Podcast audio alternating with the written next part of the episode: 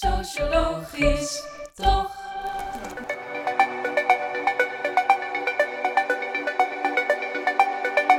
Welkom bij Socia's podcast. In deze podcast bespreken we maatschappelijke thema's met een variatie aan leuke gasten. We bespreken de actualiteiten en zetten hier en daar de sociologische bril op.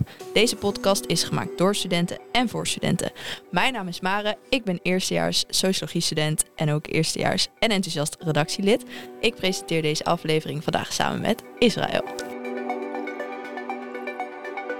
Ja, ik ben Israël en ik ben ook eerstejaars, ook deel uh, van de redactiecommissie.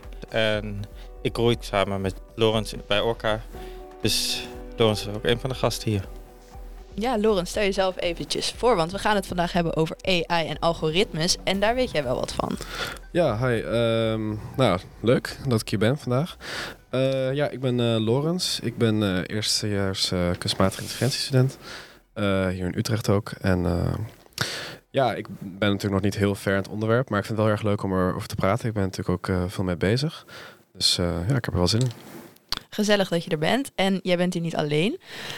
Um, Jurgen, jij bent hier ook. Uh, kan jij jezelf even voorstellen? Ja, ik ben uh, Jurgen Goossens. Ik kom uit Gent. Daar heb ik uh, gestudeerd en ook een proefschrift geschreven um, over rechten, staatsrecht. Um, vervolgens aan de Erasmus Universiteit van Rotterdam beland. Een paar jaar later aan Tilburg University. en sinds augustus hier aan Utrecht University als hoogleraar staatsrecht. En um, een van mijn belangrijkste focusgebieden is de inzet van digitalisering, algoritmen, AI door de overheid, de Nederlandse overheid. En wat we daarmee moeten in de toekomst en vandaag.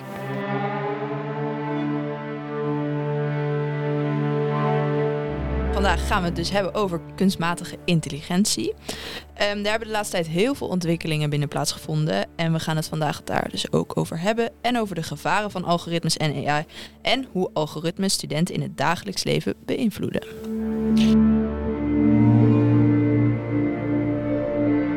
Voordat we verder gaan, is het eigenlijk wel goed om even het verschil te weten tussen algoritmes en AI. Want die worden nog best wel eens door elkaar gehaald. Uh, het lijkt best wel logisch, de termen. Maar toch voordat we er dieper op ingaan, is het goed om wat definities duidelijk te krijgen. Een algoritme is een set instructies die worden uitgevoerd om een bepaalde taak uit te voeren, zoals het sorteren van gegevens of het uitvoeren van berekeningen. AI aan de andere kant verwijst naar machines die in staat zijn om te leren en intelligent te handelen. Jurgen, jij hebt best wel wat ervaring met dit onderwerp. Kun je dat eigenlijk nog wat verder uitleggen? Dat verschil tussen de twee? Er is heel veel aandacht momenteel voor AI, uh, artificiële intelligentie, kunstmatige uh, intelligentie, waardoor we bijna zouden vergeten um, dat algoritmen in het algemeen al heel lang bestaan. Um, en algoritme kan je heel simpel uh, op een papiertje wiskundig uitrekenen. Uh, er wordt ook al decennia lang ingezet. Um, op het moment dat je op je smartphone op een knopje drukt, dan als je op het knopje drukt, dan gebeurt er iets. Het is een heel simpel algoritme. de hele maatschappij, ons hele leven wordt gemedieerd aan de hand van algoritmen. Maar in toenemende mate komt AI op. En AI maakt gebruik van algoritmen, maar van heel complexe algoritmen. Um, complexe algoritmen die op basis van heel veel data, big data, um, ja, kunnen zich verder doorontwikkelen, kunnen leren uit bepaalde um, situaties. en dat is eigenlijk het verschil. Algoritmen zijn overal, gaan van heel simpele als A dan B-algoritmen tot heel complexe, zelflerende algoritmen. En die noemen we dan heel vaak uh, kunstmatige intelligentie. Oh ja, dus algoritmes zijn eigenlijk al veel ouder. Ja, de heel simpele algoritmen um, als A dan B, die bestaan al heel lang. Uh, maar de veel complexere, uh, zelflerende algoritmen, die heel veel nood hebben aan rekenkracht van computers, uh, ja, die zijn natuurlijk veel recenter opgekomen, omdat die rekenkracht van de computers vooral de laatste, laten we zeggen, twee decennia enorm is toegenomen. Ja. waardoor het ook mogelijk is om aan de hand van algoritmen met big data te trainen um, en die artificiële intelligentie zichzelf eigenlijk verder te laten doorontwikkelen. Ja, duidelijk. Uh, Lorenz, herken jij dit verschil eigenlijk? Komt dat ook naar voren in jouw opleiding? Um, ja, eigenlijk is het uh, verschil tussen een algoritme en een uh, AI natuurlijk enorm. Want feitelijk is iedere wiskundige formule eigenlijk een, een algoritme. Als als je zegt, nou ja, A plus B is C, dan is dat eigenlijk al een algoritme. Want je voert een aantal stappen uit en je krijgt een bepaald resultaat.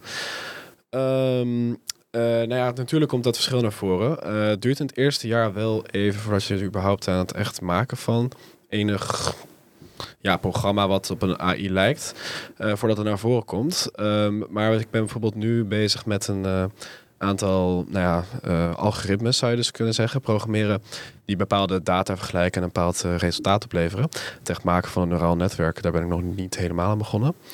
Um, maar ja, dat, dat verschil komt uh, degelijk naar voren. Want ja, voordat je überhaupt een AI kunt maken, moet je natuurlijk de basisalgoritmes ervan schrijven.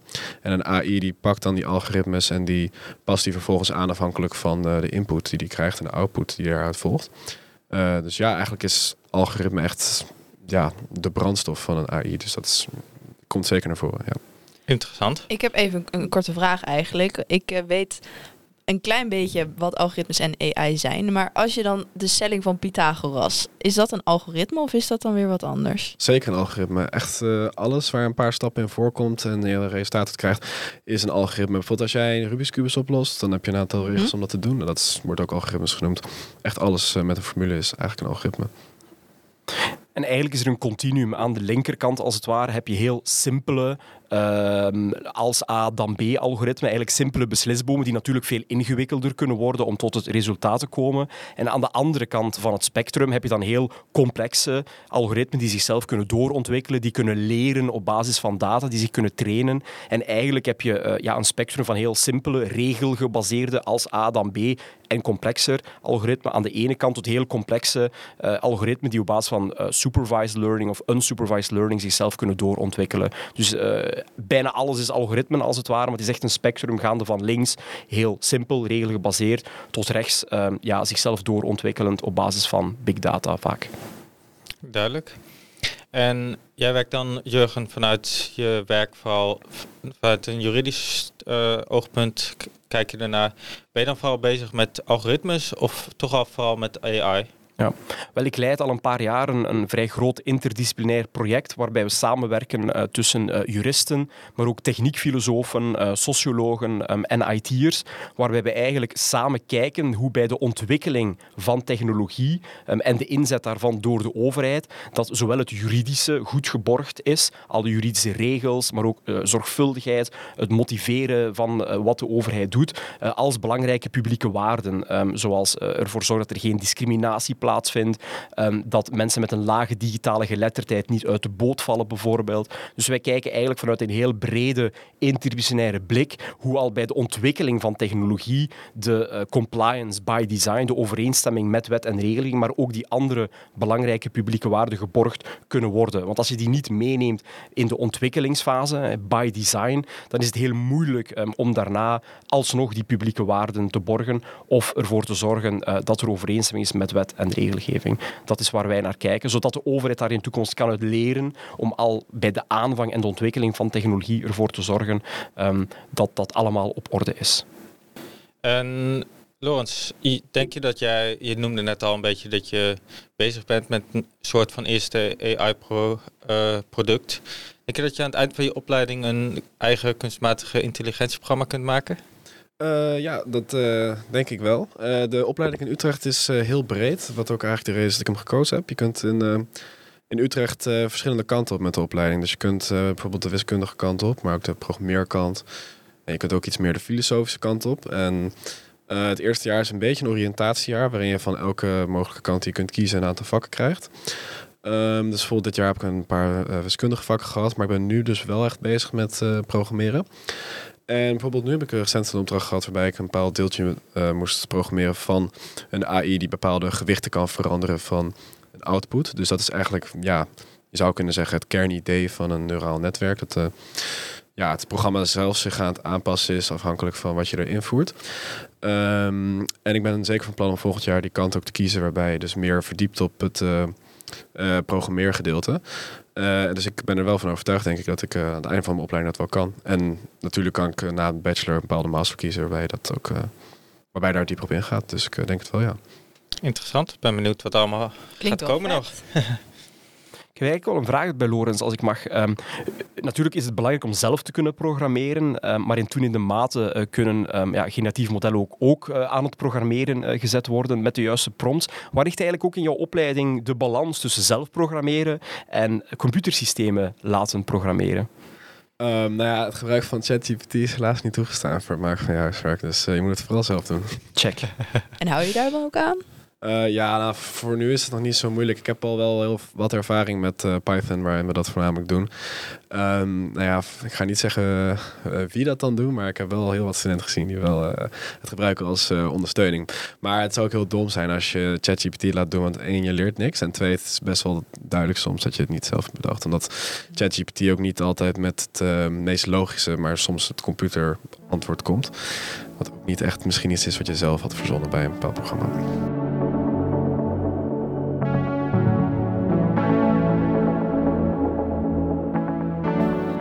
Naar het volgende onderwerp, namelijk de nieuwe ontwikkelingen binnen AI en algoritmes.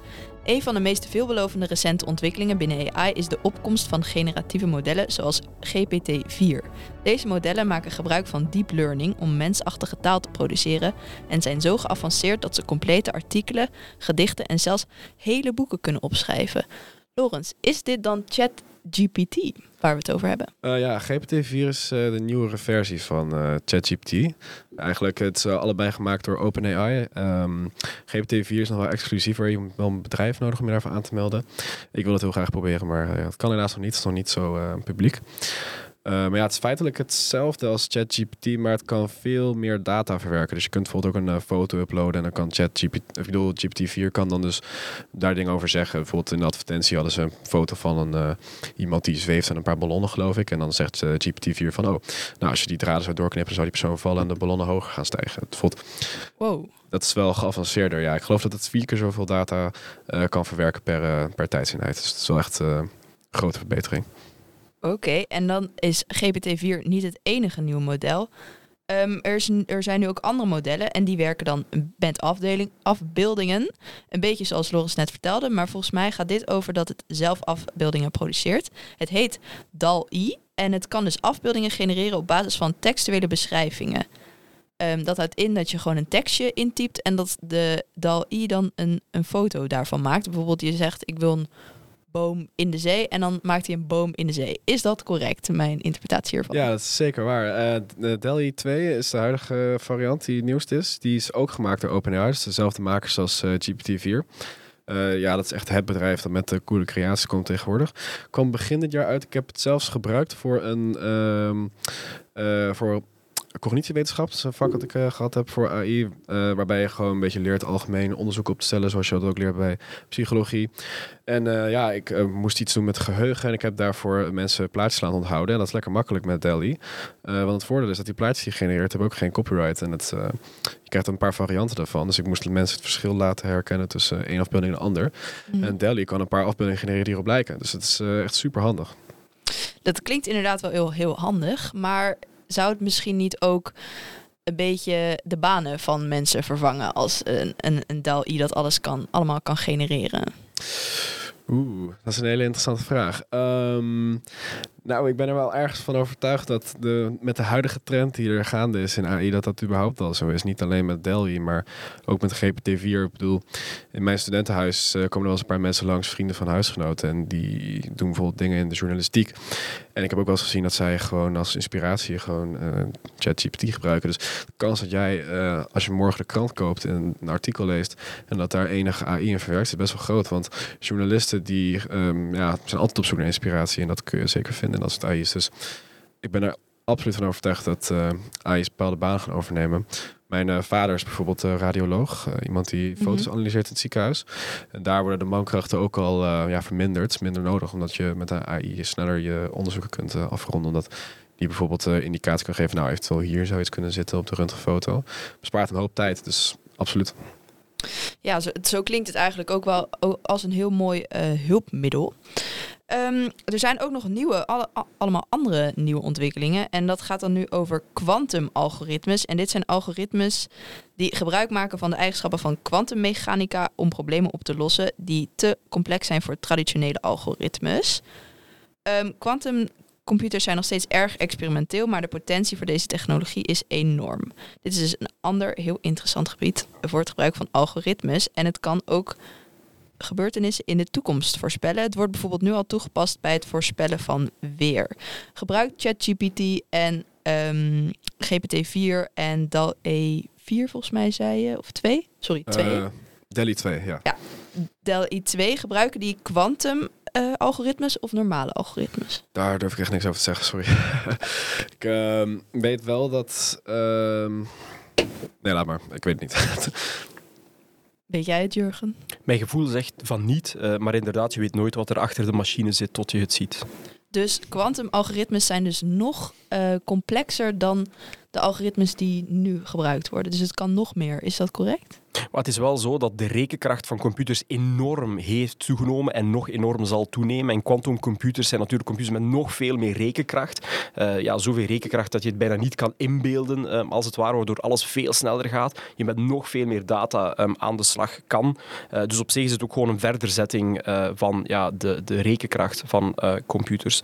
Um, en dat is ook de, de meest ja, opwindende evolutie die momenteel plaatsvindt. dat is die toegenomen rekenkracht, waardoor je nog veel en nog sneller al die data kan analyseren, um, wat het menselijke brein um, absoluut uh, nooit meer kan bijbenen. Um, en daarom ja, zijn de mogelijkheden zo breed en zo verrassend volgens mij dat ja, wat er binnen vijf jaar allemaal kan, denk ik dat we dat onszelf gewoon niet kunnen voorstellen. en het wordt dus moeilijk om dat bij te benen. Het zal ook banen kosten, inderdaad. Maar dat doet het al decennia. Hè. Digitalisering, automatisering kost al decennia banen. En dat is ook oké. Sommige uh, processen die gemakkelijk geautomatiseerd en gedigitaliseerd kunnen worden. Dat is ook goed dat we die kunnen ontnemen uh, aan mensen, dat die mensen dan ook creatief werk kunnen doen. Maar dat vind ik wel een, een, een moeilijke evolutie nu, want als AI afbeeldingen gaat genereren, uh, teksten gaat schrijven, ja, dat, dat verbinden we vaak uh, met eigen creativiteit, met originaliteit en creatief bezig zijn, dingen ontwerpen. ja, dat is iets waar mensen vaak heel veel voldoening kan krijgen. Dus ik denk wel dat er een, een, een gevaarlijke evolutie plaatsvindt niet alleen dat die digitalisering automatisering banen kost, want dat doet het al lang, maar dat het misschien net ook banen kost die mensen net heel veel voldoening geven. Um, een, een, een schilderij maken, een afbeelding maken, een mooie advertentietekst schrijven, ja, daar word je vaak gelukkig van als mens, um, als het lukt. En daar moeten we als mensen wel heel goed over nadenken, um, dat we die uh, ja, taken die voldoening geven, dat we die misschien niet altijd uh, aan computers willen overlaten. Ja, ik uh, wil er nog ook aan toevoegen dat ik zelf denk dat het uh, grootste probleem met uh, dit soort ja, AI's niet het overnemen van ja, werk is. Want we hebben in de huidige arbeidsmarkt juist een tekort aan heel veel mensen in bepaalde sectoren. Maar ik denk juist dat het grootste probleem is dat je heel makkelijk valse informatie kunt verspreiden. Want als je nu ook kijkt naar wat er gedaan kan worden met deepfakes en het genereren van foto's van mensen, dan is dat echt al heel ver. Ik ben er echt zwaar van overtuigd dat over vijf jaar het niet meer te onderscheiden is van nou ja, een foto die je nu misschien zou maken op straat. Ik denk dat daar een veel groter uh, probleem in gevonden kan worden dan ja, het eventuele werk dat mensen verliezen eraan.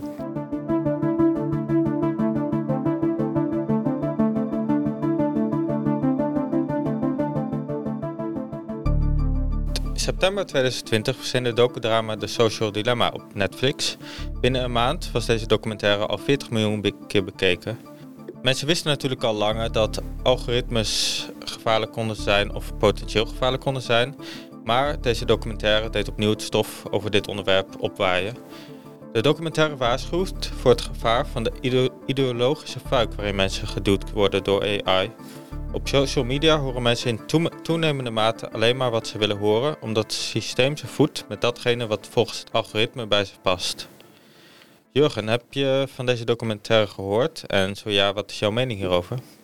Ja, absoluut. Ik denk dat bijna iedereen ervan gehoord heeft. Ik heb, ik heb de documentaire ook gezien, maar ik moet bekennen, uh, het is ondertussen al meer dan drie jaar geleden, uh, dat het wel al uh, enigszins op de achtergrond um, is geraakt. Ehm, maar ja, dit is goed. Hè. Dit is goed dat heel veel mensen een, een, documentaire als deze bekijken, om zich bewust te worden van de gevaren die spelen als je gewoon even op Facebook aan het scrollen bent. want we zijn ons daar vaak op dat moment niet van bewust dat de informatie die we zien gestuurd worden um, door algoritmen, gestuurd worden door bedrijven die de data van Facebook opkopen om daar dan iets mee te doen, um, om ons de informatie te tonen um, die ja, bepaalde bedrijven en big tech willen uh, dat we die zien. Um, en ik denk dat het ook tot enorme polarisering kan leiden, tot tunnelvisie. Als je enkel ziet uh, de informatie die anderen willen dat jij ziet, of dat als je een bepaalde uh, bericht leuk vindt, dat je dan andere berichten leuk vindt of getoond wordt die ja, vergelijkbaar zijn. Het is heel belangrijk om soms ook eens geconfronteerd te worden met informatie die je misschien niet leuk vindt,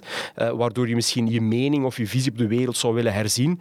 Um, en ja, dat, dat is echt problematisch. Um, want ik denk dat het ook tot polarisering leidt, um, dat mensen enkel in hun eigen tunnelvisie beginnen te zitten. Terwijl wat je moet doen is elkaar in het echt ontmoeten en ja, samen het oneens zijn om zo weer verder te komen. en daar helpt uh, de huidige, uh, het huidige sociale media landschap absoluut niet mee. En vanuit een juridisch oogpunt, we zien dan dat in die documentaire wordt het ook genoemd dat Facebook zelf al een intern rapport heeft uitgebracht in 2018, waar het bleek dat 64% van de mensen die lid werden van een extremistische groep op Facebook, dat deden omdat ze gestuurd werden door algoritmes. En Jurgen, denk je dat er wat aan moet gebeuren eigenlijk, juridisch gezien? Moet daar wetgeving komen om dat te verhinderen, gezien het dus mensen stuurt om lid te worden van extremistische groepen eigenlijk? Absoluut. Um, en men is daar ook mee bezig, vooral op het niveau van de Europese Unie. Um, momenteel staat een AI-act eh, in de stijger, dus eigenlijk een wet uh, van, van de Europese Unie uh, die de inzet van um, AI en algoritmen zal reguleren, transparantieverplichtingen zal opleggen en dergelijke. Maar er zijn ook heel veel andere wetgevende, regelgevende initiatieven die in de stijger staan of al geïmplementeerd zijn. En het is heel duidelijk dat de Europese Unie eigenlijk een koploper wil zijn in de wereld om de gevaren van AI Eh, te proberen temperen, eh, om eh, de inzet van bepaalde ehm, AI zelfs te verbieden, omdat we dat gewoon niet gewenst vinden als maatschappij. Ehm, en ook heel veel initiatieven om de macht van big tech, de macht van Twitter, Facebook en anderen, om die ja, te temperen. Want binnen het recht en de rechtsstaat gaan we vaak de macht van de staat proberen beteugelen. We willen niet dat de staat in ons huis kan kijken. We willen niet dat de staat um, al te veel kan doen, onze rechten kan beperken. Dus heel veel wet en regelgeving tot nu toe richten zich eigenlijk op de overheid, op de staat, om ervoor te zorgen um, dat ook de, de, de staat zich aan regeltjes houdt, als ze bijvoorbeeld al niet een vergunning toekent. Maar heel lang um, is eigenlijk um, ja, grote bedrijven zoals Big Tech, uh, die zijn eigenlijk een beetje buiten de radar uh, geweest uh, van de wet en regelgevers. Maar dat is echt wel de voorbije jaren enorm veranderd. dus ja, ook bedrijven zoals Facebook moeten in toenemende mate grote aanpassingen doen om de privacy van gebruikers te borgen. De, de AVG, eh, al sinds 2018 hier, uh, vijf jaar lang, waar je nu plotseling overal akkoord moet klikken uh, vooraleer je jouw gegevens wil delen en men daar iets mee mag doen. Ehm, ik denk wel dat er al heel veel evoluties zijn, waardoor er echt wel aanpassingen ook nodig zijn in zaken privacy-wetgeving. Maar de Europese Unie doet hier echt veel um, aan. De vraag is alleen, kan je als wetgever al die evoluties bijbenen? Dat is echt een heel grote uitdaging en bijna een onmogelijke opdracht aan het worden. Maar ja, we moeten hier iets mee. Het is niet alleen meer de staat die ons leven reguleert en aanstuurt, maar ook big tech. Ja, en Lorenz, hoe zie jij dat? Zou jij er ook voorstander voor zijn om meer wetgeving en regelgeving rondom AI te creëren? Um, ik ben daar heel half in. Ik, um, ik ben voor het nou ja, beperken van AI's als ze echt alleen slechte intenties hebben. Want nou ja, er zijn inderdaad algoritmes die dus kunnen leiden tot meer extremisme. Maar ik denk dat het heel moeilijk is om dat te reguleren. Wat mag wel en wat mag niet. Het is een enorm grijs gebied uh, op dat veld. Want je zou kunnen zeggen, nou als we die AI verbieden die mensen naar een bepaalde groep leidt dan moet je dus ook eigenlijk alle AI's verbieden die jou een leuke video aanbevelen op YouTube als je net een ander filmpje hebt gekeken. Uh, want vaak weet Facebook of Instagram weet ook gewoon niet uh, of een groep extremistisch is. Dat is heel moeilijk te herkennen. Dus ik ben er wel voor, omdat het natuurlijk een goede, ja, het heeft een goede intentie. Maar ik denk wel dat als je zo'n ja, verbod gaat invoeren, dat het heel veel andere nadelige bijeffecten gaat hebben. Omdat je namelijk uh, heel lastig kunt een, uh, een, lijn kunt trekken tussen wat wel en niet mag. Dus dan krijg je heel snel dat je een soort internetdictatuur creëert. Waarbij je dan bepaalde dingen toestaat en bepaalde dingen niet. Er was ook een paar jaar geleden natuurlijk met uh, artikel 13 van de Europese Unie. Waarbij ze met copyright op het internet heel veel dingen wilden toestaan en niet. En dat bleek uiteindelijk ook niet haalbaar. Omdat het gewoon vaak mensen ook zijn in de EU die daar weinig verstand van hebben. Die daar wel over mogen beslissen. En dan vervolgens besluiten maken die niet haalbaar zijn of heel moeilijk te definiëren zijn. Zoals dus het verbieden van een AI die dat soort dingen tot eh, stand brengt. Wat wel echt heel belangrijk is en, en wat eh, wet- en regelgevers in Nederland, maar ook op niveau van de Europese Unie proberen te doen, um, dat is natuurlijk om transparantie te creëren en accountability. Dus uh, gelijk wat, het, wat AI doet, wat algoritmen doen, moeten we wel weten wat er gebeurt onder de motorkap. Um, en als er iets misloopt, moeten we ook um, bepaalde actoren verantwoordelijk kunnen stellen. Moeten we ook Facebook verantwoordelijk kunnen stellen.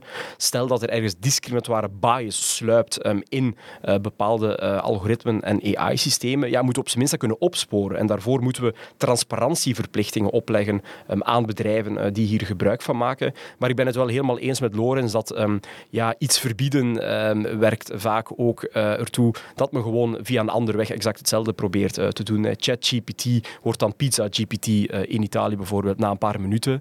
Maar het is wel zo dat de AI Act bijvoorbeeld de overheid verbiedt om AI in te zetten voor bepaalde doeleinden. Omdat we bijvoorbeeld in Europa ervoor gekozen hebben dat we niet willen dat op elke hoek van de straat op basis van gezichtsherkenning, dat we eigenlijk ja, ons hele leven gevolgd kunnen worden, op zwarte lijsten komen staan bijvoorbeeld, dat je één keer iets hebt mispeuterd, waardoor de overheid de jaren daarna, omdat je belastingen voor het onvoldoende hebt betaald, dat dat eigenlijk je, je hele leven achtervolgt en dat slimme um, AI-algoritmen um, uh, er daarvoor voor zorgen dat je nog beter in de gaten wordt gehouden door de overheid. Dat zijn dingen waarvan we nu gezegd hebben, dat willen we niet. Ja, interessant.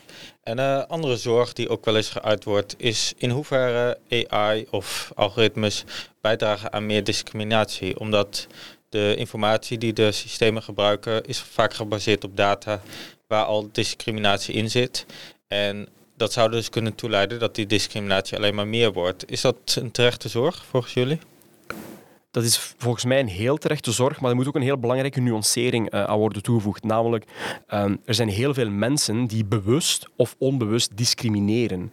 Um, en als uh, mensen beslissen om AI in te zetten, um, AI gaat op zichzelf niet discrimineren, gaat geen bias ontwikkelen. Maar de bias kan wel ontwikkeld worden omdat er al bias zit in de data die je eigenlijk gebruikt in een AI-systeem. Of omdat je bepaalde algoritmen zo um, um, schrijft, uh, regelt, uh, dat die kunnen discrimineren. Dus als eigenlijk uh, data wordt gebruikt waar geen bias in zit, goede kwalitatieve data, ja, dan, dan gaat het systeem op zichzelf niet beginnen discrimineren. en het is zo dat mits het gebruik van goede data, goede algoritmen en duidelijk inzicht, er net minder discriminatie kan zijn dan wanneer het een volledig menselijk proces is. Want de mens, bewust of onbewust, gaat vaak ook discrimineren. Ja, precies. Uh, Lorenz, heb jij daar, krijg je in je opleiding daar wel eens wat over mee, over de ethische kant van AI en bijvoorbeeld discri discriminatie die daaruit voort zou kunnen komen? Um, ja, leuk dat je het vraagt. Uh, volgend jaar krijgen we het vak filosofie voor uh. Daar zijn we nog niet heel diep op ingegaan. Uh, ik vind het zelf wel heel interessant. Eigenlijk ook de reden dat ik het gekozen heb om te studeren in Utrecht. Omdat het wat uh, verbredende vakken biedt, zoals dit. In andere steden zoals Amsterdam of Groningen, als je kunstmatige intelligentie studeert, dan is het net iets meer gericht op de computerkant. Maar ik vind het eigenlijk ook wel leuk. Maar nee, ik kan nog niet echt zeggen in hoeverre discriminatie besproken wordt bij dat vak, wat ik nog niet gehad heb. Maar um, ik verwacht wel dat we daar het over gaan hebben. Dus uh, ja, ik vind het ook wel heel belangrijk. Want uh, het is inderdaad vooral ook in de zakenwereld waarbij AI's wordt, bijvoorbeeld worden gebruikt om uh, mensen die voor een vacature zichzelf aanmelden te scannen. Ja. Heb je wel eens, ge, ja, althans, ik heb wel geregeld in nieuws dan gelezen dat bijvoorbeeld mensen met een, ja, een etniciteit die niet blank is, dat die dan bijvoorbeeld daarop worden benadeeld. En dat is natuurlijk ook helemaal niet goed. Dus ik vind het wel een heel belangrijk onderwerp om te bespreken, maar ik heb het helaas nog niet gehad. Ja, absoluut. Uh, dan komen we op een ander punt wat ook te maken heeft met alle data die de AI verzamelt. En dat is privacy. Het is steeds belangrijker aan het worden voor mensen om persoonlijke vrijheid en privacy te houden. En deze technologieën hebben daar een belangrijke rol in. Uh, gegevens worden verzameld, ze worden gebruikt. En ze kunnen ook gebruikt worden om voor doeleinden waar de persoon in kwestie niet altijd achter staat. Denk je dat AI daarin ook een sleutelrol speelt, Jurgen, in de ontwikkeling daarin, in privacy? Ja, absoluut. Het is een heel belangrijk aandachtspunt, um, maar wel een, een, een veld uh, dat vaak moeilijk te begrijpen is en moeilijk te reguleren is ook. Um, maar um, data zijn de motor van AI-systemen. en die data, ja, dat kunnen gewoon uh, waarnemingen zijn in onze fysieke wereld. Uh, maar heel vaak hebben de data ook betrekking op, op ons, op wie we zijn. dat zijn dan persoonlijke data en daar richt ook de AVG zich bijvoorbeeld op. en ja, zonder dat we het weten, door één klik op een knop geven vaak ja, heel veel persoonlijke data uh, vrij, waarvan we vaak niet weten met welk doel onze data later gebruikt zouden kunnen worden. Um, en en, en ja, dat is niet goed. Uh, het kan niet zo zijn uh, dat als ik gebruik maak van Facebook, dat die data daarna um, door een ander bedrijf worden gebruikt om mij bepaalde um, advertenties te sturen of bijvoorbeeld door de overheid of de CIA of whoever, om daarna bijvoorbeeld mij op een zwarte lijst te zetten omdat ik net de verkeerde klik heb gezet. Dus Ehm, ja, dat is echt cruciaal, maar ook heel moeilijk. Uh, want ik denk dat we voor een groot deel ook de strijd al een beetje verloren hebben met betrekking tot uh, de controle uh, over onze eigen data. We zijn echt afhankelijk geworden um, van die big tech bedrijven um, die onze data door één klik vaak ja, krijgen. de wetgever probeert daar dingen rond te doen, maar wat het allerbelangrijkste wat de AVG heeft gedaan, is ervoor zorgen dat we toestemming moeten geven om onze data te gebruiken. Maar het wordt vaak zo ingeregeld door bedrijven ja, dat je met één klik op de knop je data moet vrijgeven. Of je kan gewoon niet verder. Je kan gewoon geen gebruik maken van Facebook bijvoorbeeld. Um, en ja, daar moeten we wel nog verder over nadenken wat we daarmee willen um, in de toekomst. Um, en wat heel vaak centraal staat, ook binnen de Nederlandse overheid, is controle over je eigen data. Regie op gegevens uh, noemt de Nederlandse overheid het. maar dat vergt ook inspanningen, dat vergt doenvermogen, uh, dat vergt vaak ook digitale geletterdheid. en uh, ja, dat is niet, niet, niet even evident om die controle ook te geven aan individuele burgers. Daar moeten ook um, ja, intermediaire kanalen voor gemaakt worden um, om ons te helpen om die controle terug te krijgen. Ja, en persoonlijk ben je daar ook meer mee bezig, omdat je in je werk daar heel erg mee bezig bent. Ben je dan meer bewust ook van wat voor data je deelt met verschillende bedrijven of websites? Als ik werk en met mijn onderzoekspet op, is het antwoord volmondig ja. Maar als uh, gewone mens met alle beperkingen um, en uh, luiheid uh, die daar soms bij komt kijken, ja, klik ik ook gewoon soms op ja om verder te kunnen gaan met die applicatie. Omdat die applicatie mijn leven ook vergemakkelijkt. Um, en dus met mijn onderzoekspet af, als het ware, um, en mijn sneakers aan, ja, dan geef ik ook gewoon mijn dataprijs, jammer genoeg. Ja, en Lorenz, heb jij wel eens nagedacht als je bijvoorbeeld ChatGPT gebruikt, de data die je invoerde, of dat ten koste van je privacy gaat als je de dingen in, aan ChatGPT vertelt? Uh, nou ja, bij ChatGPT is toevallig dat je bij de instellingen kunt kiezen of jouw data wel of niet opslaan. Um, dat is echt verrassingwekkend. Bij veel platformen is dat zo. Uh, wat Jurgen net zei, inderdaad ook bij heel veel websites uh, ontkennen ze überhaupt de mogelijkheid om het te gebruiken als je het niet doet. Um, maar het zou je oprecht wel verbazen hoeveel bedrijven van jou weten zonder dat je dat überhaupt uh, doorhebt. Ik heb zelf ook geregeld als ik dan bijvoorbeeld ineens geïnteresseerd ben in iets, in, ja, geïnteresseerd ben in iets en ik bekijk het op één platform, dat ik daar ook aanbevelingen van krijg bij een ander platform. Dus dat betekent gewoon dat het ja, de wortels van de grote bedrijven zitten overal diep in. Dus het is gewoon, ze weten alles van je. Um, en ChatGPT is echt een uh, ja, promiel daarvan. Het is echt uh, moeilijk wat aan te doen eigenlijk. Als je echt van de grid af wilt, dan kun je beter het gewoon het internet überhaupt niet gebruiken. Ja, precies. Maar ik wist zelf nooit dat je keuze kon maken tussen wel of niet je data delen. Heb jij er is dit dan de, Zijn dit dan de cookies? Of uh, of is dit weer heel, heel wat anders? Oh, uh, nee, bij ChatGPT, uh, omdat het natuurlijk een AI is. Uh, als bijvoorbeeld ChatGPT merkt van, oh, heel veel mensen stellen deze vraag, maar er komt geen zinnig antwoord uit. Dan wordt dat verbeterd door eventueel team of door het programma zelf. En je kunt kiezen of jouw prompts die jij invult worden gebruikt voor het verbeteren van ChatGPT voor een nieuwe versie, zoals GPT-4 bijvoorbeeld. Maar ik denk, ik weet dat zelf niet heel goed, want heel veel bedrijven zijn ook helemaal niet transparant in. Maar het zou me niet verbazen als je dat niet aanklikt dat ze alsnog jouw gegevens zal opslaan. Want ja, dat doen heel veel bedrijven op dagelijkse basis. Ja, ik doe wel altijd, um, dan doe ik helemaal de moeite om alleen functionele cookies aan te klikken. Dus dat doe ik wel altijd. Um, ja, dat is ook een beetje van huis uit een beetje zo ingeprent van ja, privacy. Ook niet je huis op Instagram zetten en niet uh, aan, aan, iedereen altijd vragen of ze op de foto willen en of je dat dan ook mag posten en zo. Dus ik ben me daar wel ja, wat bewuster van, zou ik zeggen. Maar wat ik dan wel hoop en niet zeker weet, is als ik klik, ik wil geen cookies of ik wil alleen functionele cookies, dat het Mhm. bedrijf dat dan ook respecteert. En dat weet je gewoon niet. Daar heb je ook niet de tijd voor om dat helemaal uit te zoeken. Dus daarom dat ik wel denk dat de overheid en de wet en regeling daar een belangrijke rol heeft te spelen door bijvoorbeeld algoritme-toezichthouders in het leven te roepen, eh, die dit inderdaad kunnen gaan ehm, onderzoeken, dat als we dan klikken op enkel functionele cookies, ja, dat dat ook gerespecteerd wordt. Want ja, je weet het gewoon niet. Ehm, en daarom denk ik wel eh, dat die eh, wet en regelgever en die overheid een cruciale rol te spelen heeft, omdat wij als individuele burger daar nog de tijd, nog de capaciteiten voor hebben eh, om daarvoor te zorgen. Ja. En is die transparantie nog mogelijk, gezien het steeds ingewikkelder wordt? Is het nog mogelijk om zicht te houden op het systeem? Ja, het, het, is niet onmogelijk. Het is wel een, een, een loodzware, cruciale, eh, moeilijke opdracht. Maar we moeten het opdracht aangaan.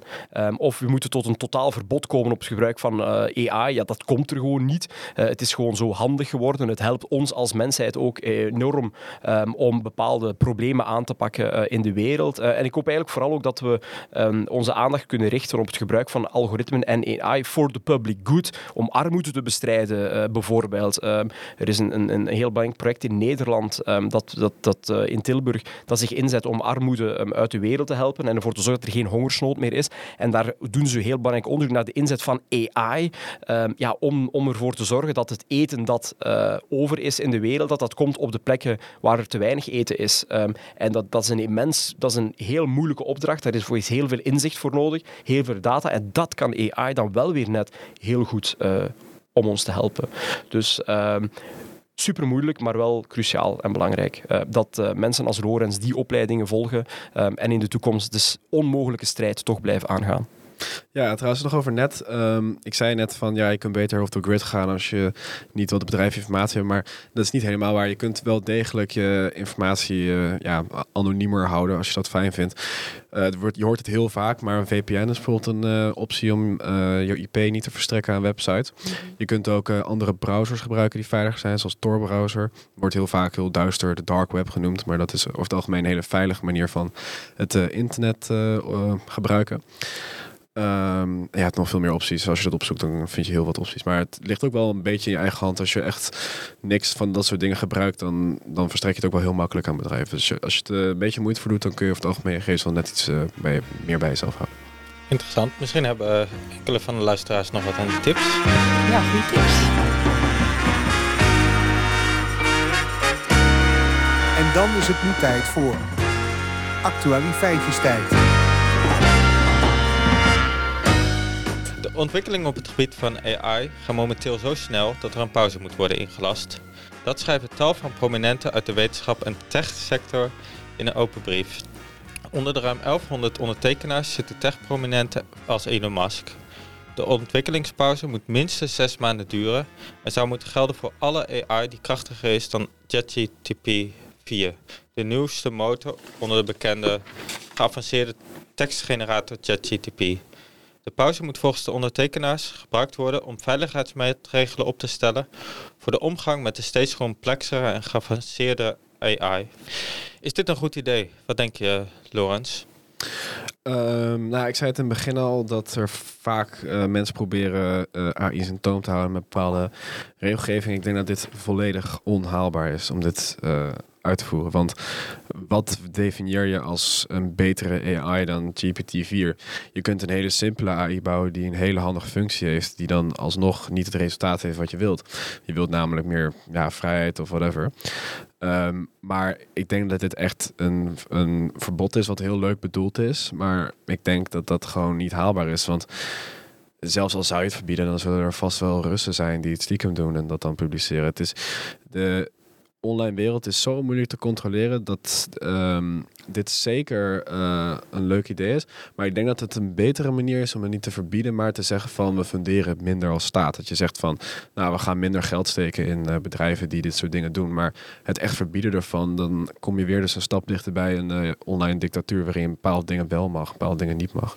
Dat is heel lastig te controleren, denk ik. Hm, Ik vind het een heel goed punt wat je daar geeft, maar het gaat hier ehm, om, een pauze. Dus het gaat niet echt om het verbieden ervan, maar het gaat er gewoon even om dat ehm, alle ontwikkelaars even het werk neerleggen. En volgens mij dan ook ja, met filosofen, mensen die dingen weten van ethiek, gewoon eventjes daarna gaan kijken van wat willen we nou met AI. En met ehm, GPT-4 volgens mij, als ik het goed zeg. Ehm, en zou je dat, als, als ik het eh, zo verwoord, zie je er dan wel iets in? Of zeg je dan ook van hmm, onhaalbaar, er zijn altijd mensen die blijven doorontwikkelen in zo'n pauze?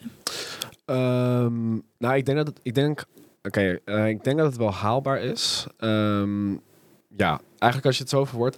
Ik denk dat je bijvoorbeeld een bedrijf als OpenAI, dat is nu heel prominent is, eigenlijk het bedrijf waar je alles van hoort, zou je natuurlijk als Amerikaanse overheid wel kunnen zeggen van, eh, nou, nu is het even klaar, eh, leg je werk even neer. Die macht hebben ze natuurlijk om een bedrijf eh, dat te vertellen.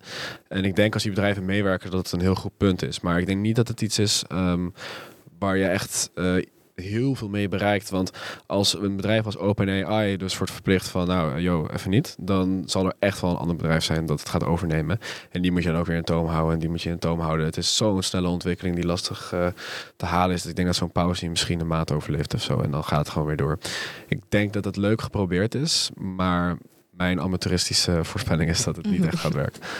Ja, eerlijk gezegd, ik was één, stom verbaasd. En twee, ik vind dit een heel naïef voorstel als je het zo leest, inderdaad. Ehm, want degene die de boeken even neerleggen eh, en de machines even niet verder doorontwikkelen, ja, dan gaan de anderen het wel doen. Of je doet het gewoon even in de kelder, bij van spreken, eh, en niet eh, in een ruimte met, met ramen. Maar ik vind het ook heel opmerkelijk, want dit is geen initiatief dat komt van de overheid, maar dit is gewoon een initiatief dat komt ook vanuit de techsector. Mensen zoals Elon Musk. En ehm, ik kan fout zijn, maar mij bekruipt toch een klein beetje het gevoel ehm, dat er misschien echt een wedren aan het ontstaan is op de krachtigste AI-modellen. Ehm, en dat misschien de, de competitors of toekomstige competitors, die misschien dan geleid kunnen worden door de mensen zoals Elon Musk, dat die gewoon even zes maanden pauze willen om een inhaalbeweging te maken. Ehm, en ja, eigenlijk gewoon de concurrentie te kunnen aangaan met, um, met, met Open AI bijvoorbeeld.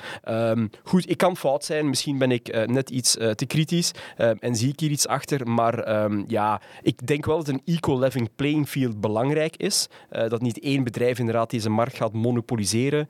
Uh, maar dit lijkt me ja, een naïef en niet haalbaar voorstel. Ik denk ook dat misschien heel wat mensen die dit uh, voorstel hebben ondertekend daar andere intenties bij hebben.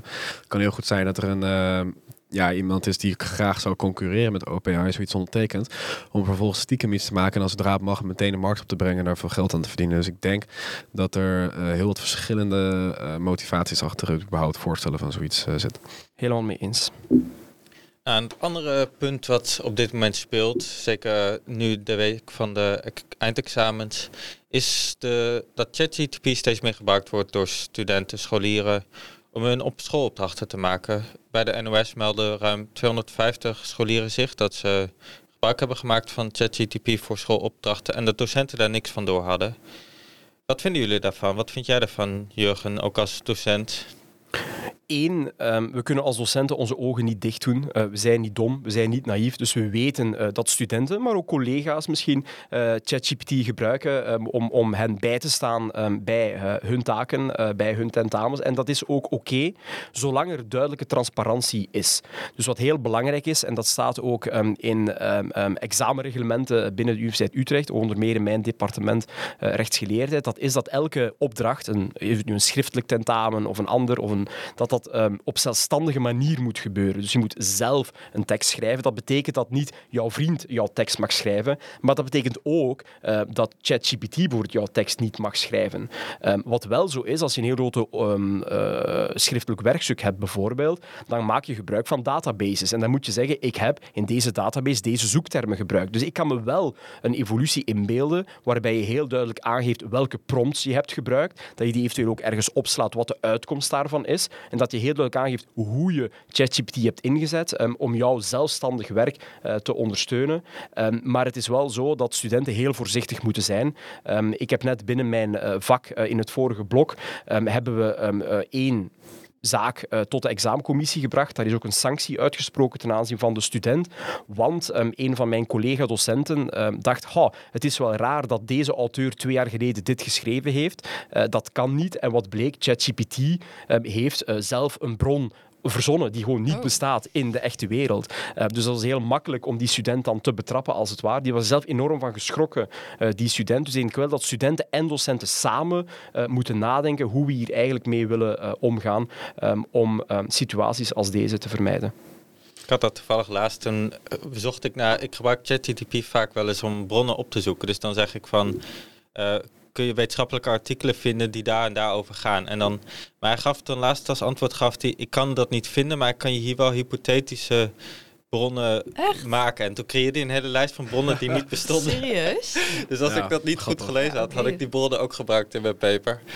Ja, en er zijn voldoende studenten die dit niet weten ehm, en, en die dus ja, met hun ogen open eh, de valkuil eh, inlanden. En wij als, wij als docenten kijken hier echt naar. Dus we zijn ook er volop mee bezig ehm, om eh, te creëren ehm, dat we ehm, opdrachten maken die eigenlijk ChatGPT-proof zijn, zoals we zelf eh, zeggen. Dus ja, ik hou enorm van mondelinge tentamens, eh, want dan zit je gewoon voor mij en dan kunnen we samen praten over de leerstof. En als je het even niet weet, dan kan ik jou helpen. Ehm, maar het is natuurlijk heel moeilijk in bacheloropleidingen met 800, 900 studenten bijvoorbeeld. Eh, maar het is wel zo dat eh, ja, bepaalde generatieve modellen bijvoorbeeld niet werken eh, met ehm, actuele informatie van de afgelopen jaar bijvoorbeeld. Dus dan maken wij een heel ehm, ja, actuele casus van bijvoorbeeld. Ja, studenten onderschatten docenten ook niet op dit vlak. Ja, ik, ik denk zelf ook eigenlijk dat... ehm, kijk, als je erover nadenkt. Stel je voor, je zit in de middelbare school... je moet een essay schrijven voor, eh, over een bepaald onderwerp. Eh, nou ja, nu wordt er dus veel ChatGPT gebruikt... maar dat is eigenlijk niet heel anders dan wanneer je je oudere broer of zus vraagt... van, hey, mag ik jouw werkstuk even zien... wat jij een paar jaar geleden hebt? Is eigenlijk net zo makkelijk en ehm, even niet traceerbaar als het gebruik van ChatGPT. En ik denk dat de oplossing hiervoor eh, meer ligt in eh, wat u net zei, bijvoorbeeld een mondelinge toets. Dus dat je het, eh, het onderwijsmanier manier aanpast, dan een opdracht aanpassen dat je hem niet met ChatGPT kunt maken. Want het is onmogelijk om zo'n sterke trend tegen te gaan. Wat je dan beter kunt doen als mensen een essay moeten schrijven, is zeggen van nou, eh, wat ik bijvoorbeeld ook op de middelbare school moest doen, is dat je dan bijvoorbeeld met z'n allen in lokaal gaat zitten, zet je schotten tussen leerlingen, moeten ze gewoon een essay schrijven on the spot. En ja, het is anders, maar dat werkt wel, want ja, je hebt geen computer bij de hand als je dat eh, doet met eh, pen en papier. Dus je kunt beter de onderwijsvorm misschien aanpassen. Op middelbare school is natuurlijk makkelijker haalbaar dan op universiteiten waar je zoveel studenten hebt. Dan, eh, ja, dan heel erg gaan controleren op zoiets als een bron. Want het kan natuurlijk ook zijn dat je ChatGPT het gewoon feilloos doet. En vooral over een jaar zal die verbeteringen zo zijn dat ehm, dat minder eh, makkelijk detecteerbaar is. Dus ik denk dat het, het aanpassen van hoe je iets doet een beter idee is dan eh, strengere controles uitvoeren. Want dat gaat op een gegeven moment echt niet meer werken. Ja, ik zit op dezelfde lijn. Ik zeg altijd, do not fight it, but embrace it. Ik denk dat dat belangrijk is. Maar anderzijds met de grote waarschuwing dat taal heel belangrijk is voor een mens. Taal is de manier waarop je jezelf kan, ehm, eh, ja, je emoties kan uiten, eh, kan praten en communiceren met elkaar. Dus we moeten er wel voor opletten eh, dat ehm, in het onderwijs van heel jongs af aan er ook voldoende is voor de eigen taalontwikkeling. Ehm, en eh, als we dan te veel generatieve modellen zoals ChatGPT gebruiken, dan zal die taalachterstand, eh, die nu al enorm aan het toenemen is, ook in Nederland, alleen nog maar verder achteruit gaan. Ehm, en dat zou echt niet goed zijn ehm, voor, voor de mens. Eh, want heel veel mensen in hun professionele omgeving gebruiken het taal als hun enige werkinstrument. Juristen bijvoorbeeld. Dus daar moeten we wel enorm voorzichtig voor zijn. Maar we moeten ook niet naïef zijn. We gaan allemaal in de toekomst generatieve modellen gebruiken. Ehm, maar eh, voorzichtigheid is wel geboden. Ja. Moet het dan niet ook deel worden van de opleiding op scholen dat studenten leren gebruik maken van ChatGTP? Absoluut, de juiste prompts eh, genereren, ja, dat wordt een cruciale vaardigheid eh, vandaag al en in de toekomst zeker. Is de juiste prompts genereren eigenlijk dan zoiets als eh, juist weten googelen? Te, we- te weten wat je moet intypen om tot je doel te komen, zeg maar? Nou, ik denk dat tot een bepaalde hoogte kan je dat vergelijken, inderdaad. Ik denk, iemand die nog nooit Google gebruikt heeft, zal Google minder efficiënt inzetten dan iemand die al heel lang eh, googelt. En dat zal hetzelfde zijn met die generatieve modellen. Ehm, en ja, ik volg iemand eh, op Twitter eh, die dit allemaal ehm, heel goed volgt. Ehm, en ja, daar staan tips in over hoe je prompts genereert om tot veel betere output eh, te komen. Ja, dat is belangrijk en dat zullen we ook moeten integreren in het onderwijs, denk ik. Toevallig hebben ze, was er vandaag een artikel dat ze ChatGTP het eindexamen hebben laten doen en die heeft hij dus niet gehaald. Hij is gezakt. Voor Nederlands was het volgens mij. Oh, alleen Nederlands, ja. Of nou ja, dat wat ik had gezien was over Nederlands. Maar ik weet dat hij daar volgens mij net niet had gehaald. Ja, ja. En maar dat er wel ehm degene die het had nagekeken had gezegd dat hij de enige was die hem had nagekeken. Het was een docent en hoogleraar Nederlands volgens mij, of Nederlandistiek. Ehm, Maar over andere examens weet ik eigenlijk niet of die hem gehaald zou hebben of niet. Maar ja, Mijn professionele mening is ook dat trouwens het Nederlands examen hartstikke waardeloos is. En, eh, oh, goed dat je het even zegt. ja, en eh, dat is eh, aan heel wat verbetering toe. En dat was ook een keer op zondag met Lubach dat zelfs een hoogleraar Nederlands lager dan 8 had gehaald. Dus Oh ja, dat, dat, ik dat vind het al knap dat een AI in de buurt van een voldoende komt. Want ook ik heb het afgeronden 5,6. Dus ja. Maar het is wel heel opmerkelijk dat bepaalde AI-modellen ehm, eigenlijk eh, vrij goed scoren op IQ-testen bijvoorbeeld. IQ-testen waarmee we eigenlijk testen ja, hoe hoog jouw IQ is als mens. Dus eh, ja, wel ook niet te onderschatten, denk ik. Want het net niet halen, ja, in sommige vakken halen meer dan de helft van de studenten eh, het vak niet. Eh, dus eh, dan doet eh, dat model het misschien nog niet zo goed als het een net onvoldoende is in dit geval.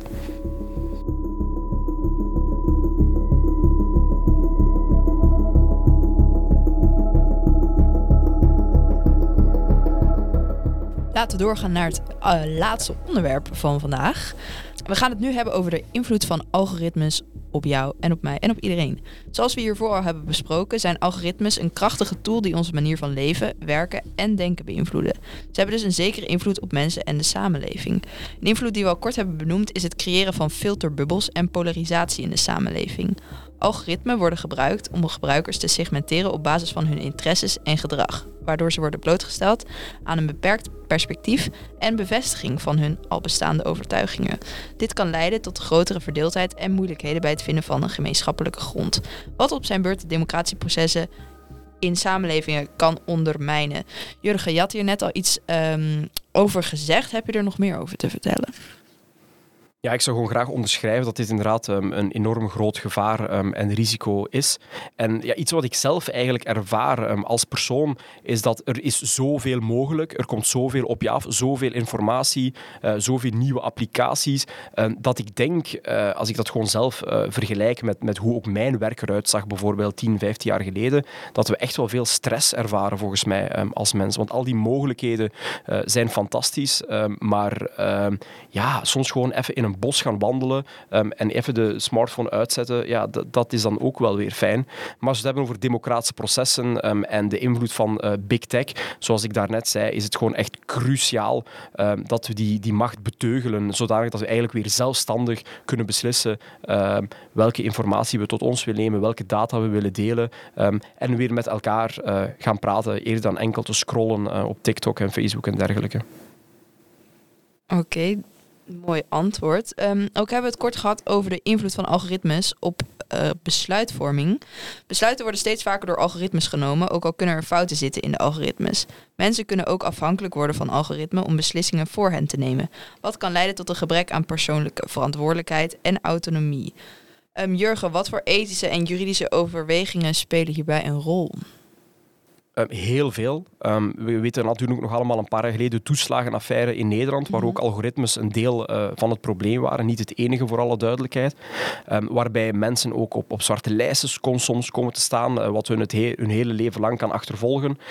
Dus ik denk dat het super belangrijk is om bij de ontwikkeling van technologie, dus in de designfase, stil te staan bij wet en regelgeving. niet omwille van de wet en regeling, maar omwille van de publieke waarden die wet en regelgeving borgen, die wij belangrijk Uh, vinden.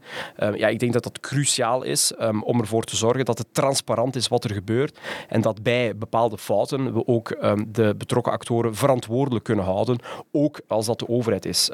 En je merkt de laatste jaren ook in Nederland dat in toenemende mate ook de rechter de Nederlandse overheid op de vingers tikt, bijvoorbeeld uh, voor het aanleggen van zwarte lijsten of voor discriminatie die plaatsvindt door het gebruik van de ene database in een ander, ja, voor een ander doeleinde. Algoritmen hebben ook invloed op ons gedrag en kunnen verslavend zijn. Er werd net al uh, het woord TikTok genoemd. Dat kent, kennen alle luisteraars waarschijnlijk ook wel. Uh, TikTok enorm verslavend. En net als alle andere of veel van de andere social media platforms. En die gebruiken allemaal ook algoritmes om ons te voorzien van content die ons vermaakt en interesseert. Waardoor we meer door tijd doorbrengen op deze platforms. Wat kan leiden tot afleiding, verminderde productiviteit en een afname aan het vermogen om kritisch na te denken. Bovendien kunnen deze systemen ons gedrag beïnvloeden door middel van nudging en manipulatie. Wat is nudging, um, Jurgen? Nudging ehm, kan ofwel ehm, gebruik maken van technologie, maar het kan ook gewoon heel simpel. Uh, nudging is eigenlijk ehm, dat je op een bewuste manier het gedrag van mensen probeert te sturen. Uh, en dat kan heel simpel zijn. je bent bijvoorbeeld op een voetpad aan het wandelen en plotseling staat daar een pijl naar links. en dan zal je denken, ja, misschien moet ik wel naar links gaan.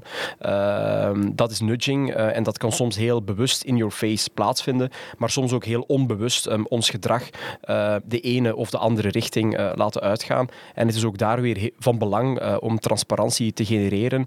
Um, ook de overheid maakt in toenemende mate gebruik van uh, nudging, uh, bijvoorbeeld door bepaalde formulieren um, al dan niet op bepaalde manier vorm te geven. Dus ik denk dat nudging overal aanwezig is en dat de eerste belangrijke stap um, is ons daar bewust van worden dat we eigenlijk constant uh, genudged worden. Dat kan vaak goed zijn. Hè. Vaak mhm. is nudging goed, dat we nu op roltrappen niet allemaal tegen elkaar botsen bijvoorbeeld. Uh, maar soms kan nudging ook uh, ja, gevaarlijke, risicovolle doeleinden um, gebruiken en hanteren. En dan vind ik het zelf belangrijk dat wij dat weten als mens. Dat vind ik ook heel erg belangrijk. En ik wil toch nog even kort terugkomen op het verslavende aspect van sociale, sociale media en de ja, uitstekende algoritmes die daar verantwoordelijk voor zijn. Ik zelf heb namelijk um, ook TikTok verwijderd. Ik denk al nu een jaar geleden of zo. Omdat ik dan merkte dat ik er eigenlijk twee uur lang op aan het scrollen was. En dan achteraf dacht van wat heb ik nou eigenlijk gedaan? Um, ondertussen heb ik dit zelf ook wel vervangen door Instagram Reels en door YouTube Shorts. Het verschrikkelijk, maar het blijft zo lastig, die algoritmes die precies weten wat ik graag wil zien en wat ik grappig vind. Heb jij dat ook, uh, Lorenz, dat ja, jij ik zit heb te dat, scrollen? Uh, ja, ik heb zelf geen TikTok, ik heb nooit gedownload, omdat ik echt weet dat ik er echt uh, non-stop op zou zitten. Maar ik uh, betrap mezelf ook wel vaak op dat ik uh, veel op uh, Instagram Reels zit. Het is eigenlijk vrijwel hetzelfde. Misschien net een iets minder effectief algoritme. Maar ik heb eigenlijk zelf nooit TikTok gedownload omdat ik niet chill vind dat, dat het Chinees is. Ik vind het heel... Mm. Ja. Dus ik ga eigenlijk niet een app downloaden waarbij ik gratis alles wat ik weet aan, ze, aan ze vertel, zeg maar. Um, ja, maar wat ook heel vervelend is, en nu ook nog even terugkomen op dat is toevallig heel erg toepasselijk hierop. Dus als je YouTube dus opent, um, meestal kom je op de homepage terecht, maar ik heb dus af en toe gemerkt, als je gewoon een YouTube-app opent, dan opent hij me af en toe gewoon in shorts. En dan wil ik dus eerst iets opzoeken op YouTube. En dan ben ik meteen afgeleid. Echt super irritant is dat. Uh, dus, dus ja, het is, uh, het is zeker uh, aanwezig zonder je het door hebt. Dat, je dus, ja, dat ze weer even een paar advertenties kunnen laten zien en geld heen verdienen. Ja, heel herkenbaar. Jurgen, zit jij ook op TikTok? Uh, nee, ik zit niet op TikTok, uh, maar wel op Instagram. Um, maar ik, één, en hier ben ik weer met dezelfde boodschap, hier moeten we wel iets mee. Um, want uh, alcoholverbruik, uh, vaak kan je pas vanaf 18 jaar alcohol uh, nuttigen omdat het verslavend werkt. bepaalde drugs, zeker harddrugs, worden ook door de overheid verboden omdat het zo verslavend werkt. Um, en ja, zet een mand met snoepjes voor jou en je zal er wel naar, naar, je zal die snoepjes nemen en je zal eerst heel gelukkig zijn en de sugar rush voelen, maar daarna voel je je wel weer slechter omdat je veel te veel snoepjes of chips hebt gegeten. Um, en het is dan beter dat, ja, dat die chips gewoon niet uh, voor jouw ogen staan. En ik denk ook dat daar wel een belangrijke rol is te spelen om ervoor te zorgen um, ja, dat die verslaving niet enorm negatieve effect, effecten heeft um, op de mens. Want ik denk dat we hier alle vier in de studio uh, het herkennen. Ja. Um, en dat het niet altijd even makkelijk is om jezelf te beschermen uh, tegen bepaalde verslavingen. en ik merk zelf, niet alleen bij mijn studenten, maar ook bij mezelf, dat mijn concentratieboog eigenlijk enorm verkleind is de afgelopen twintig jaar. En dat komt onder meer volgens mij door al die snelle, uh, hapklaar informatie die op onze smartphone staan en we even twee seconden uh, een gelukkig gevoel krijgen. Maar als je twee uur op die smartphone zit, dan word je echt niet gelukkiger, maar alleen maar moe en dergelijke. En uh, ja, daar hebben we elkaar nodig, denk ik, om van die verslaving toch wel af te komen. Vinden jullie, um, er was laatst op het nieuws dat ze volgens mij op basisscholen de te telefoons zouden verbieden. Vinden jullie dat een goed idee? Voor kinderen gewoon van 9 tot, hoe laat zit je op school? Drie uur of zo. Gewoon telefoon, hop in een doos of in een telefoonzak en uh, focussen maar. 100% mee. Ik heb zelf had ik überhaupt geen uh, smartphone voor ik 12 was. En uh, nou ja, ik ben nu niet mentaal beperkt of zo. Dus ik denk dat voor eigenlijk basisscholen het gewoon een super goede regel is. Gewoon van telefoons verboden. Het zou um, ja, geen slecht idee zijn. Ik denk dan wel op middelbare scholen, daar worden natuurlijk smartphones een stuk meer gebruikt voor ja, uh, sociaal doen. Dat is natuurlijk, uh, als je mm -hmm. 12, 13 bent, dan kom je meer op die leeftijd dat het belangrijk is van uh, dat je een beetje meedoet met de rest en dat je een beetje op social media zit. Dan denk ik dat het daar te verbieden wel iets meer impact heeft op mensen hun sociale leven. Um, en dat mensen het ook stiekemer gaan doen. Maar ik denk dat basisscholen het een best goed idee is om smartphones gewoon te verbieden. Dat doe je maar lekker thuis. Dus ja, vind ik eigenlijk een goed idee. Helemaal mee eens.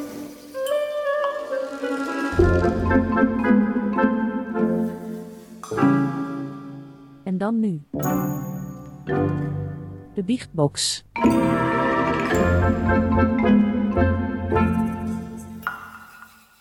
De vraag van de biechtbox deze week is: heb jij wel eens ChatGTP of andere AI gebruikt terwijl dit eigenlijk niet mocht? We hebben een aantal antwoorden, een paar niet heel veelzeggende. Eentje zegt ja, een andere zegt nee. maar een aantal leuke er ook bij. Iemand zegt: Ik heb wel eens AI gebruikt voor muziekstuk en het was oprecht goed. Ik weet eigenlijk niet helemaal waarom het dan niet mocht, maar het is wel interessant. Hebben jullie wel eens muziek gehoord die door AI gemaakt is? Ik was net te laat met dat nummer van, eh, even denken, geen idee, Drake en nog iemand. Dacht ik, het waren twee Amerikaanse muziekartiesten en het was helemaal hip en happening, maar ik was net te laat en toen was het alweer afgehaald van, eh, van YouTube. Maar ik heb gehoord dat het een heel vet nummer was, dus ik ben benieuwd naar de volgende illegale AI-hit. Ja, ik, ik heb het ook gehoord. eh, het is natuurlijk echt duizenden keren opnieuw geüpload. eh, overal nergens. nou, ik moet gewoon beter zoeken dus. Ja, is gewoon, misschien kijk de video's die net geüpload zijn, dan staat er misschien wel bij. Maar ik vond het ook heel komisch dat het dan eh, Drake daar een rechtszaak tegen was begonnen. Want eh, over een paar jaar wordt het gewoon een lopende band gemaakt. Kun je er echt niks aan doen. Dus ja. En ik gebruik eigenlijk ChatGPT best wel vaak voor ja, Unie-dingen. Maar dan gebruik ik het meer om gewoon eh, gerichter te googlen, waar ik het al eerder over had. Om gewoon bronnen te vinden. En dan zelf te fact-checken van klopt dit of klopt dit niet. Interessant. Ja, iemand anders die zegt ja, ik heb een paper ermee geschreven en een 7,1 gehaald. Dus blijkbaar kun je dus wel een hele paper schrijven met een ChatGTP en ook nog goed cijfer halen. Ja, ik vind dat, ik vind dat echt niet oké als je dat doet. Maar ja, dan kom ik dus ook weer terug op het feit dat je dan misschien de onderwijsvorm moet aanpassen. Dat het onder gecontroleerde omgevingen moet. Heel moeilijk, zou ik niet eens weten hoe je eraan begint. Maar ja, ik bedoel, als het nu al kan, dan kun je over vijf jaar echt niet meer detecteren dat het geschreven is. nee. Nee, en je snijdt ook in je eigen wel. Want als je dan straks binnen een paar jaar ehm, ergens eh, werkt voor een ministerie bijvoorbeeld en de minister vraagt jou eh, om op 30 minuten eh, met een antwoord te komen op een parlementaire vraag en je hebt geen beschikking tot ChatGPT, ja, daar sta je dan. Dus als je op de unie, op een hogeschool zit en, en je gaat verder studeren, gebruik dat dan om jezelf verder te, door te ontwikkelen. Ehm, want anders, ehm, ja, de, de enige persoon die je op dat moment misleidt, is niet de docent, maar jezelf. Ja. En dan nog een heel andere context. Iemand die zegt, ik gaf hem input en context van dingen die ik verwerkt wilde hebben voor een motivatiebrief en het opstellen van professionele teksten. Dus blijkbaar kun je hem ook op het werkveld gebruiken. Ja, ja oké. Ik kom toch even op terug. Ik zei, ik vind het echt niet kunnen. Maar ik snap ook wel weer dat, dat mensen het doen. Maar precies wat Jurgen net zei. Je moet wel in staat kunnen zijn om zelf teksten te schrijven. En ik denk dat je er wel een beetje lui van wordt. En ook dat je moet blijven trainen met taal. Net als met dat je alles moet blijven trainen. Om er gewoon vaardig in te blijven. Uh, maar als het zo'n hulpmiddel is zoals ja, inspiratie voor kunstenaars... of voor een motivatiebrief of voor whatever... dan sta ik daar wel helemaal achter. Vind ik het eigenlijk best wel een goed idee. Ja, moeilijk hè? Dat bedoel ik met dat grijze gebied. Ja, dit is inderdaad een grijs gebied. Ik zelf ben wel voor um, proberen regels te maken als dat kan. Maar ik snap jullie punten natuurlijk heel goed. Dat het, het is gewoon een heel grijs gebied.